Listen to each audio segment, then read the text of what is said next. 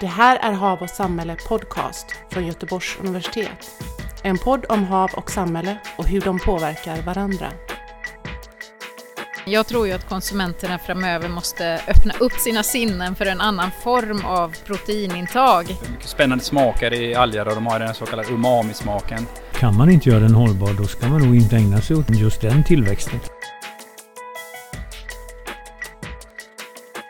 Jag välkomnar till Hav och samhälle podcast med mig Albin Dalin. Och idag så spelar vi faktiskt in från ett ganska speciellt ställe. Vi är på Chalmers och Chalmers konferenscenter i Göteborg.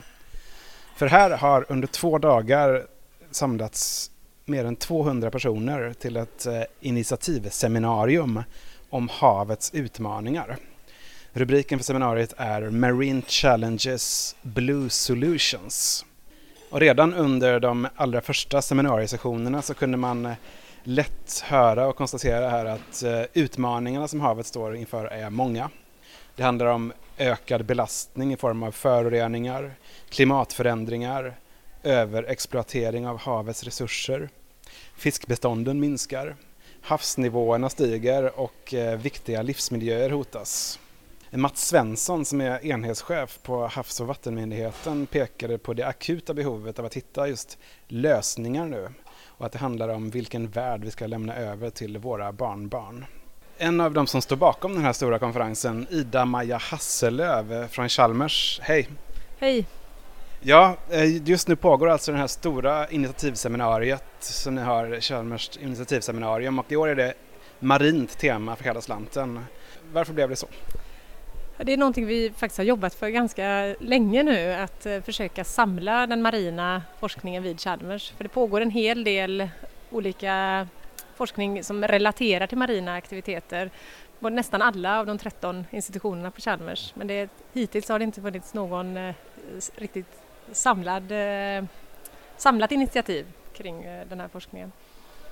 Vad hoppas du att det här ska ge? Jag hoppas att det här internt ger en, eh, en insikt om att, eh, att det marina området faktiskt är ganska stort på Chalmers och särskilt nu när vi ser externt att det kommer eh, ny finansieringsmöjligheter på EU-nivå till exempel. Förra veckan pressmeddelande om 300 nya miljoner för säkra och rena och hållbara hav. Så där hoppas jag att vi tillsammans med våra samarbetspartners ska kunna vara konkurrenskraftiga från ett svenskt och regionalt perspektiv. Ja, för att eh, det är ju Chalmers som ordnar detta, men det är ju du pratar ju om samarbetspartner här, det är väldigt många andra som är med i programmet här, många från Göteborgs universitet men även andra. Eh, är det viktigt för er?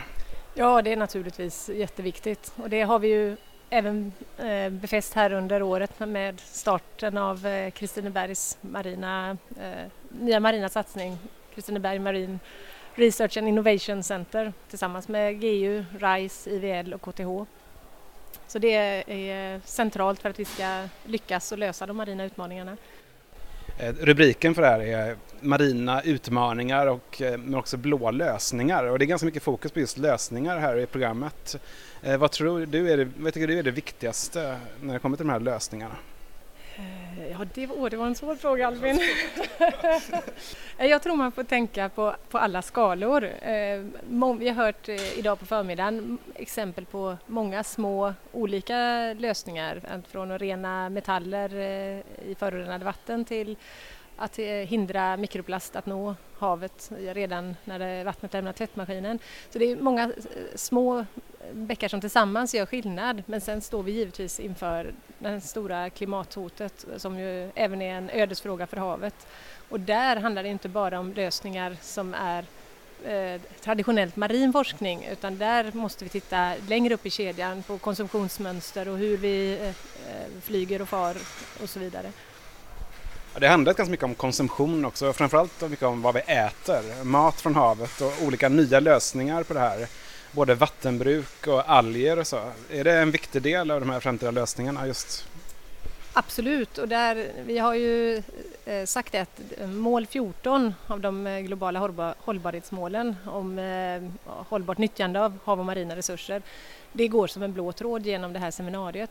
Men det är flera av de andra hållbarhetsmålen som också är synnerligen relevanta, till exempel relaterat till att, att utrota hunger så att eh, man får eh, föda jordens växande befolkning och där är ju marint protein är synnerligen en viktig bit att få på plats.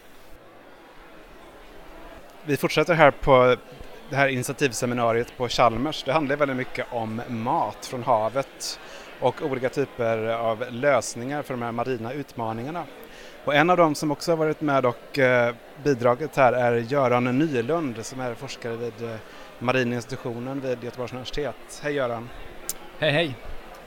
Ja, du har pratat om, du forskar mycket om eh, just makroalger och hur man kan framförallt odla mer eh, alger i Sverige och eh, olika forskningsprojekt i detta. Vad, vad, vad är grejen med makroalger skulle du säga? Ja, det stämmer att vi forskar en hel del kring makroalger och det som är så spännande med makroalger är att vi är en, eh, för oss här i Sverige så är det eh, en, en ny odlingsform. Eh, och en väldigt spännande odlingsform för att den, man behöver ju inte gödsla, man behöver inte använda bekämpningsmedel och man behöver förstås inte vattna alger heller som odlas i havet då, till skillnad från landväxter. Så det är en spännande sak med dem. Det finns ju ganska mycket sådana typer av algodling på andra delar, i andra delar av världen, eh, Kina exempelvis. Eh, eh, skulle det gå att odla på liknande sätt i våra vatten så att säga? Ja, I mindre skala skulle det gå, men naturligtvis så skulle de algerna bli mycket dyrare att köpa. Om vi ska odla i större skala så då måste vi hitta andra metoder då och framförallt är det tekniska utmaningar vi har framför oss då. För den algodling i i Sydostasien då, som till exempel Kina då, så den baseras ju väldigt mycket på lågavlönade eh, arbeten då. Så här kom, måste det handla mer om teknikutveckling och automatisering.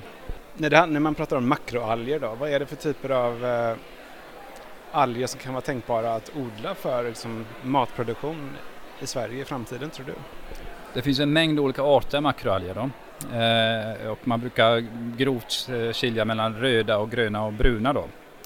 Eh, och eh, inom alla de tre grupperna här så finns det intressanta eh, alger då som för matlagning då, som till exempel brunalger som vi jobbar mycket med så, så odlar vi bland annat eh, fingertare och sockertare. Eh, och grönalger så har vi till exempel havssallad eller rörhinna och så finns det också flera intressanta rödalger då man kan odla. Eh, det här pratas ju nu om att det här ska kunna vara liksom ett framtidens livsmedel. Eh, ser du det också att det finns en stor potential i detta? Ja, eh, det beror på lite vad du menar med framtidens livsmedel. Alltså jag tror det kan, och jag hoppas att det blir en, en, en del av vår mat i framtiden då. Sen så stor andel av dagliga intaget, det är, det är ju en annan fråga då. Men att, att det kommer att finnas mera algprodukter i, i våra butiker. Men vad skulle fördelarna vara med det menar du? Ja, som jag var inne på, odlingsformen är, är ju absolut en, eh, en intressant eh, och eh, miljövänlig odlingsform skulle jag vilja påstå. Då. Så det är ju en sak. Sen är det också mera ur ett ja, matlagningsperspektiv då, att det är mycket spännande smaker i alger och de har den så kallade umami-smaken som eh, många eftersöker då. Så jag tror det, eh, ja, så det, det är en annan eh, komponent då. Och förstås viktigt också är ju att alger är väldigt näringsrika. Det drivs flera olika typer av algodlingsprojekt nu inom Göteborgs universitet. Skulle du beskriva något som du tycker är extra intressant? Jag tycker det, det som, jag, som jag framförallt har jobbat med mycket de senaste åren det är ju odling av de här stora brunalgerna, de här kelparterna och det tycker jag har varit väldigt, väldigt intressant. Om du ser fram liksom de kommande åren, vad hoppas du att ska hända på det här området? Ja, jag hoppas ju att det kommer att bli, eh, att vi kommer att få se lite eh, kommersiella algodlingar längs kusten, eh, åtminstone i norra Bohuslän. Ja, mycket på de här, under de här dagarna under det här seminariet handlar om eh, mat från havet och kanske framtidens mat. Eh, och en som pratade om ett proteinskifte som kanske är nödvändigt är Ingrid Underland som är forskare här på Chalmers. Hej Ingrid! Hej hej! Ja, det pratas mycket om det här med eh, proteinskifte, att vi måste skifta bort från eh, att äta så mycket rött kött. Oftast handlar det om att gå över till eh, vegetarisk mat. Men du pratar här om ett blått proteinskifte som också kan vara riktigt liksom, viktigt och relevant. Vad handlar det om? Ja, det handlar ju egentligen om det att man inte behöver lämna de röda bara för de gröna proteinerna, det vill säga de vegetabiliska. Där är ju naturligtvis eh, ett lågt miljöavtryck eller eh, växthusgaseffekterna eh, är mycket lägre då från det gröna. Men de blå proteinerna, alltså de marina, ligger ju också mycket, mycket bra till om man då jämför med de röda, både ur ett miljömässigt perspektiv och hälsomässigt perspektiv. Så det jag har pratat om här är ju då att visa kanske på framtidens blå proteiner. Inte bara då att man övergår från att äta oxfilé till torskfilé det kan ju vara gott så, så länge torsken är fiskad från hållbara bestånd och så vidare så är det ju naturligtvis från ett hälsoperspektiv väldigt positivt med det skiftet. Men jag tror ju att konsumenterna framöver måste öppna upp sina sinnen för en annan form av sitt proteinintag. Vi har ju redan hört mycket senaste åren om till exempel att äta insekter och annat. Och nu har inte jag pratat om insekter men jag har pratat om lite andra typer av alternativa protein från havet. Och det är ju bland annat eh, protein som man kan eh, extrahera fram genom att använda lite alternativa styckningsdetaljer från fisken. Vi är ju väldigt fil eh, filéfokuserade idag, äter gärna rosa och vita filéer, torsk och lax. Det är ungefär så vi mest äter fisk. Men att i framtiden så eh, kanske vi måste tänka oss då proteiner i mer som en färs. Man tänker sig motsvarande köttfärs, en fiskfärs och då kan den ju då komma från muskel, prima muskel som sitter kvar nära benet när man har fileterat en fisk exempelvis. Där blir det stora mängder av prima filé kvar och genom nya typer av tekniker så kan man få loss den här filén också men då blir det inte en klassisk fiskfilé utan mer som en ingrediens man har framför sig. Så det är exempel på nya typer av proteiner från havet. Sen kommer algerna, inte att glömma, eh, tången som också är en möjlig källa till blått protein. Eh, där vi då jobbar intensivt nu just med att extrahera fram och koncentrera upp proteiner från alger eftersom de inte är så ohyggligt proteinrika i sig själv. Men det är väldigt fina proteiner med fin aminosyrasammansättning. Så det är också ett exempel på framtida havets proteiner. Och den, här, den här typen av forskning sysslar ni med här på Chalmers bland annat, just det här med att utvinna protein ur eh, råvaror eller restprodukter från fisk bland annat. Ja precis, det har vi hållit på med i ganska många år nu men det, det känns som det har intensifierats. Dels för att det finns mycket, har funnits mycket möjligheter att söka pengar inom de här områdena. Det är väldigt stort med ett cirkulärt tänk nu. Att eh, använda hela råvaran. Jag menar, det största energikrävande steget är ju fisket. Så att sen inte använda hela råvaran till mat det är ju egentligen förkastligt. Förr i tiden var man proffs på att använda allting, man fångade och slaktade och så vidare men någonstans på vägen så har den här kunskapen försvunnit och vi bara tar det göttaste och så det resten då går till, till och med minkfoder, i värsta fall ingenting, ibland till fiskmjöl.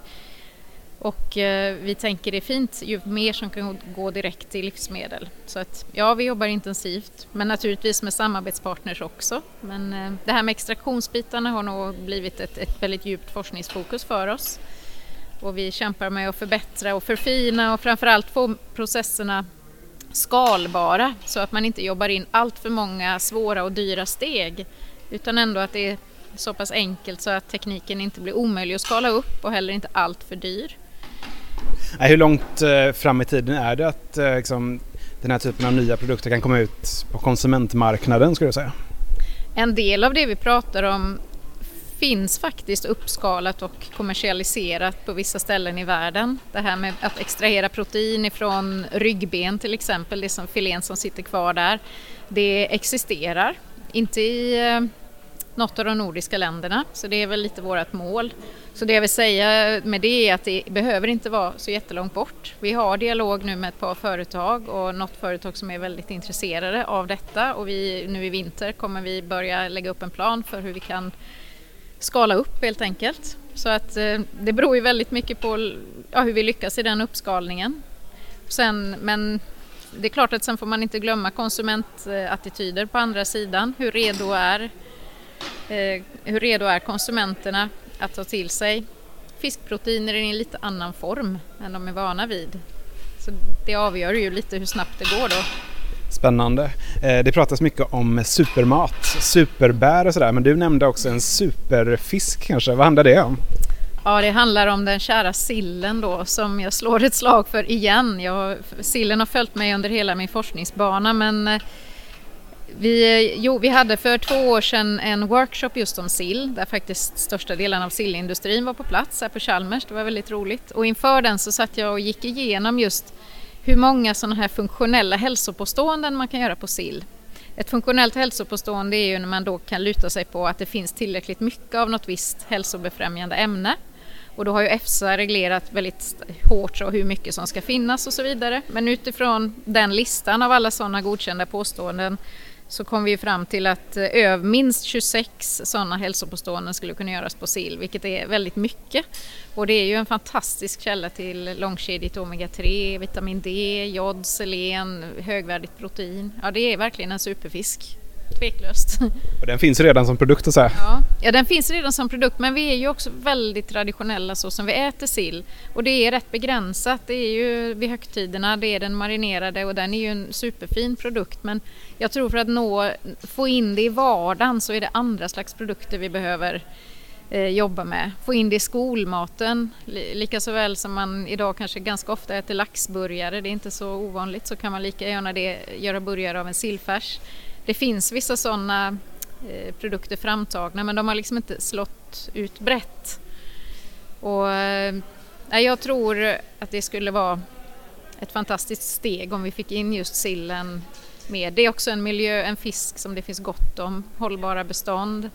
Det hörde vi ju från i andra föredrag då att miljöavtrycket är väldigt lågt från att fiska sill. Så att här eh, är det också många företag som är intresserade av detta och jobbar med det Spännande. Stort tack Ingrid Underland och lycka till fortsättningen här. Ja, tack så jättemycket för att du kom. Elisabeth Jönsson Bergman. Eh, jag är eh, docent och forskare på institutionen för biologi och miljövetenskap men jag är också forskningskoordinator för eh, centrumet Svemark. Och vi är ju då på det här initiativseminariet på Chalmers som denna gång handlar om marina utmaningar och lösningar på de här marina utmaningarna. Så en lösning här som presenteras handlar väldigt mycket om vattenbruk. Och det arbetar ni mycket med inom Svemark, Göteborgs universitet. Varför är detta så viktigt tycker du? Ja, vattenbruk är alltså Svemarks huvudfokus och eh, det är viktigt att eh, vi skapar produktionssystem för mat som är hållbara nu och i framtiden för att klara av eh, de utmaningar som planeten står inför med förlust av biodiversitet och klimatförändringar. Så att skapa motståndskraftiga eh, föd, eh, matproduktionssystem som också, men som också ger bra eh, näring, alltså bra produkter till en växande befolkning dessutom, som vi förväntar oss framöver. Idag så är ju vattenbruket en väldigt liten verksamhet i Sverige jämfört med många andra delar av världen. Eh, hur kan man ändra på detta och samtidigt göra det mer hållbart? Ja, eh, inom Svemark så har vi ju kompetens då. Det är ju flera fakulteter och ämnesområden som är inblandade. Eh, och där har vi ju kompetens inom juridik och statsvetenskap till exempel.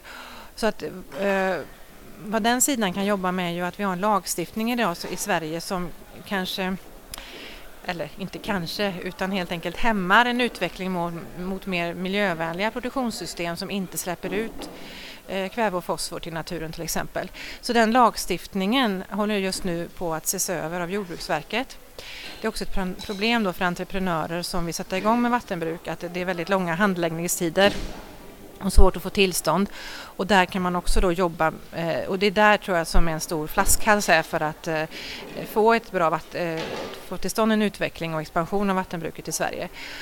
Och om vi får till stånd det så är många entreprenörer väldigt intresserade av just de här hållbara lösningarna och man hittar hos de entreprenörer som finns idag, till exempel Gårdsfisk och Smögenlax, alltså det är ett brinnande engagemang för att det just ska vara hållbart nu och i framtiden. Och de ligger i framkant med sina lösningar och har fantastiska koncept. Så att eh, kan man bara jobba lagstiftningsmässigt så kan sådana få blomma ut och, och ja, skapa inspiration för andra som goda exempel. Mm. Det sker ju också då mycket forskning inom Göteborgs universitet eh, kring det här och nya metoder av odling och odling av nya arter. Och en sak som du berättade om här idag eh, handlar om eh, odling av havskatt som ni bedriver ett forskningsprojekt om. Hur går detta till att odla havskatt? Ja, vi odlar ju tyvärr då inte havskatt ännu i kommersiella syften utan det här är ju forskningsprojekt. I eh, Norge så eh, odlar man eh, med viss vad heter det, success, vad heter det på svenska, med viss framgång den fläckiga havskassen.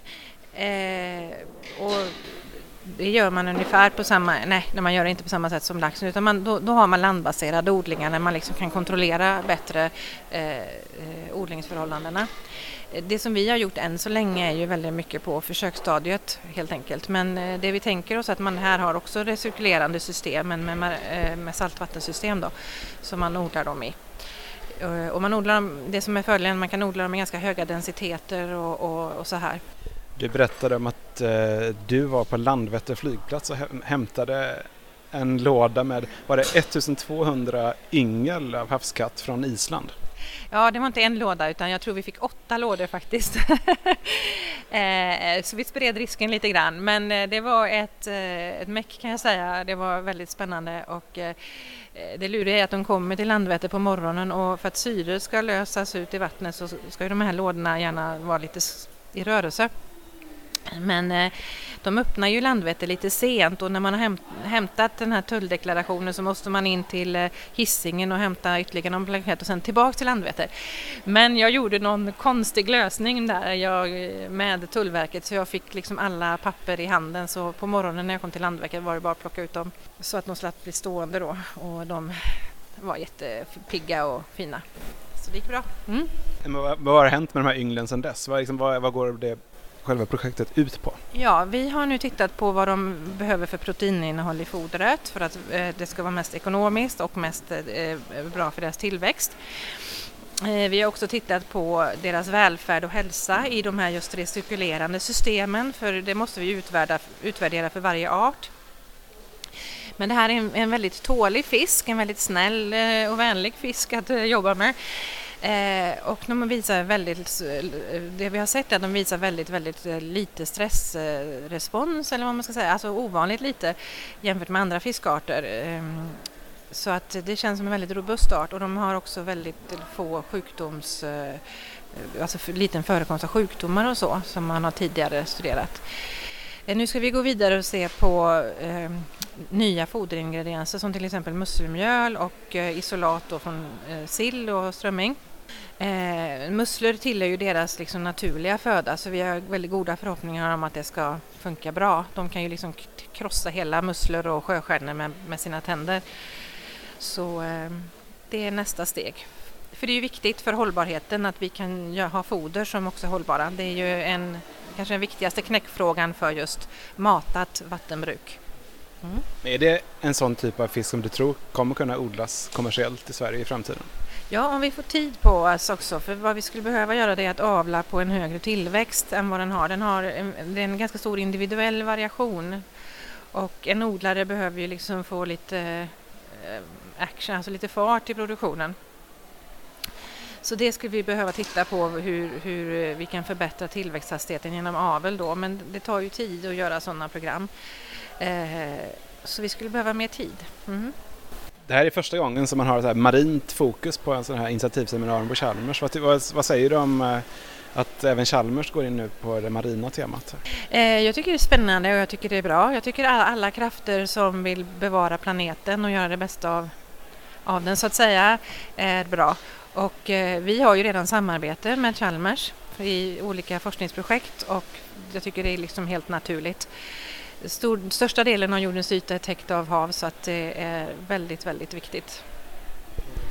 Eh, ja, nu har jag fångat upp en annan person i vimlet på det här eh, seminariet. Det är Axel Venblad. Eh, hej! Hejsan! Du är idag ordförande för WWF, Sveriges styrelseordförande, men du är också en bakgrund inom marina näringar på olika sätt, eller hur? Ja, jag har jobbat då när jag var generaldirektör för Fiskeriverket bland annat. Jag har jobbat med, jag har också jobbat på Länsstyrelsen i Västra Götaland med marina frågor. Och ända tillbaka i historiens begynnelse var jag på, på FAO i Rom och jobbade med Medelhavet. Men även i din roll nu som WWF-ordförande i Sverige så driver du ganska mycket marina frågor känns det som. Ja, jag tycker de är väldigt viktiga och det är viktigt att vi... Vi har ju nämligen EUs längsta kuststräcka, Sverige. Det kanske man, man tror kanske att det är England eller Grekland. Men det är faktiskt Sverige som har den längsta kuststräckan och då har vi ett stort ansvar också för de havsområden vi har omkring oss. Du har varit med och lett en paneldiskussion här idag bland annat. Men eh, hela det här seminariet handlar ju om eh, utmaningar men framförallt lösningar för eh, haven. vad ser du om de stora, eller de viktiga lösningar av det man har hört under de här dagarna? Ja, det finns ju många, många frågor. En fråga är ju det här med fisk och fiskkonsumtion. Jag tror att vi, vi kommer att se en minskat fiske Eh, för att vi har överfiskat så stora delar av haven eller vi har fullt utnyttjat Det finns inget utrymme för att öka det. Och då är ju, ökar ju, om konsumtionen ändå ökar så ökar ju kraven på vattenbruk. Och då måste vi utveckla smarta vattenbruk, landbaserade odlingar som inte har några utsläpp och så vidare. Och mycket av det har ju varit, varit med i den här debatten och diskussionen. Och där tror jag det finns en, en stor utvecklingspotential och där har ju inte minst GU genom Swemark-projektet eh, fantastiska möjligheter att jobba med andra också kring detta. Så det, det, tror jag blir en av de viktiga frågorna. Sen har vi ju det här med plast, men sen ska man inte glömma att det finns andra utmaningar när det gäller haven som inte har med plast att göra, också mikroplaster. Och det är ju när, vi har ju fortfarande problem med övergödning till exempel i Östersjön och som vi egentligen inte har kommit ett dugg närmare någon lösning. Så att det finns ett antal sådana frågor också. Sen har vi naturligtvis miljögifter som ligger kvar i sedimenten. Ja, jag ska inte räkna upp alla, alla hemskheter utan, men jag konstaterar också att klimatförändringarna är ju en annan sån där sak som kommer att påverka våra havsområden på ett sätt som vi kanske inte har klart för oss idag. Det pratas väldigt mycket om blå tillväxt. Men eh, är det alltid självklart att den här blåa tillväxten blir hållbar blå tillväxt? Det är inte självklart, men hela tanken med blå tillväxt som, som det diskuteras inom EU och så vidare är just att man ska göra den hållbar. Och kan man inte göra den hållbar då ska man nog inte ägna sig åt den, just den tillväxten. Och där tror jag till exempel att det som varit uppe också på konferensen idag, det här, eh, idag och igår, det här med, med havsplanering är ett viktigt verktyg. Inte för att lösa problemen, för att tydliggöra dem och visa på vilka möjligheter och vilka hinder det finns för att utnyttja havsområden. Då är, där är havsplanering ett, ett bra verktyg. Det pratas mycket om forskningen och forskningens roll här. Vad, vad ser du som eh, det viktigaste på det området? Jag tror att forskningen naturligtvis har en viktig roll. Sen ska vi, kan man ibland tycka så här, ja men vi vet ju tillräckligt för att vidta åtgärder, va? vi behöver inte veta mer. Men det innebär inte att vi inte ska forska, utan vi ska göra bägge delarna. Vi ska göra, vidta åtgärder, men vi ska också forska. Vad jag tror är viktigt och som kom fram i, i, idag eh, väldigt tydligt, det är ju att initiativet kring Kristineberg med fem tunga forskningsorganisationer som samarbetar är helt rätt väg att gå. Det är inte så att Göteborgs universitet eller KTH eller Chalmers kan lösa de här frågorna men jobbar de ihop och har ett, ett eh, gott samarbete eh, kan de åstadkomma mycket, mycket mer. För var och en har, har sina kompetensområden som den andra kanske inte är så stark på. Och där hoppas jag mycket på det här Kristineberg-initiativet att det, det så att säga, börjar bära, bära frukt framöver. Okej, stort tack till dig Axel Wenblad. Tack så mycket. Och detta får avsluta det här avsnittet av eh, Hav och samhälle podcast som den här gången spelades in under ett eh, initiativseminarium på Chalmers, Marine Challenges Blue Solutions. Jag heter Albin Dalin. Lyssna gärna på oss nästa gång. Hej hej! Du har lyssnat på Hav och samhälle podcast från Göteborgs universitet.